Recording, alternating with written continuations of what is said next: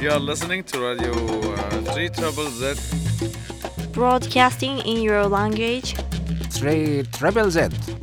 Melbourne Ethnic Community Radio. 3 Project. 92.3 FM. 3 Triple Z.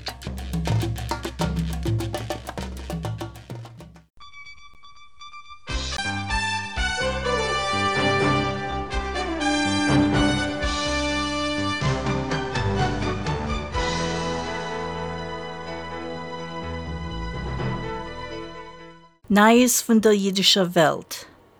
Der Haupt von der Anti-Defamation-Liga hat gelobt, die britische Labour-Partei für ihre Bemühungen zu bekämpfen dem Antisemitismus zwischen ihren Mitgliedern. Er hat aber auch gewarnt, als die Mitglieder, welche seinen Gewinn ausgeschlossen von der Partei via Teil von der Kampagne, wollen sich öfter zu neu kommen unter dem Banner von einer zweiten Partei. Laut der israelische Regierung ist der Expert auf Pleitem und auf der Lage in Mittleren Misrach, Elisabeth Zurkov, a Gefangene schon Chadosh im Land von einer Schia-Miliz in Irak. Sie ist ein Bürger, sei von Israel, sei von Russland. Laut New York Times ist sie gewinn gekidnappt in Bagdad im März Jahr.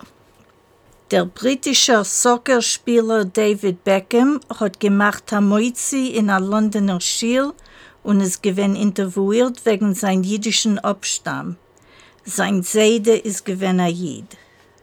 Leuten Kreml seien vorgekommen Schmusen mit den Amerikanern wegen der Möglichkeit von befreien Evan Gershkovitschen, ein amerikaner Journalist von einer russischen Twisse.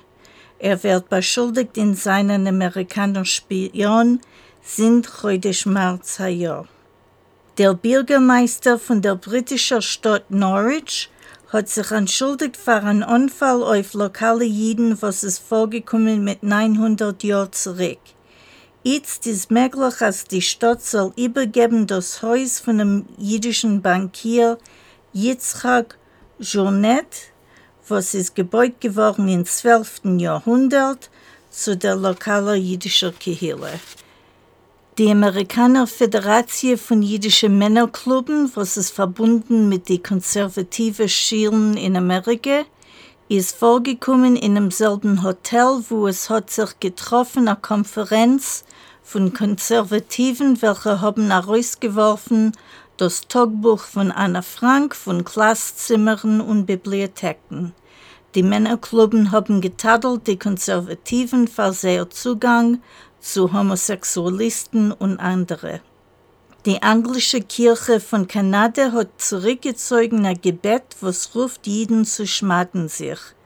Die jüdische Kirche hat bedankt die Kirche für den Beschluss.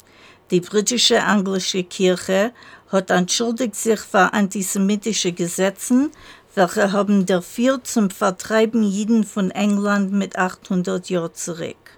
Rotsch-Sieben seien verwundet geworden, wenn ein Palästiner hat reingeführt sein Euter in eine Gruppe, was hat gewahrt auf der Gas für ein Autobus in Tel Aviv. Er hat danach zerstochen Menschen in einem derbeigen Café. Aber bewaffneter ziviler Mensch hat erschossen den Befaller auf der Gas. Gleichzeitig ist der Zahal rein in der palästinischen Stadt Jenin auf den Meirebreg.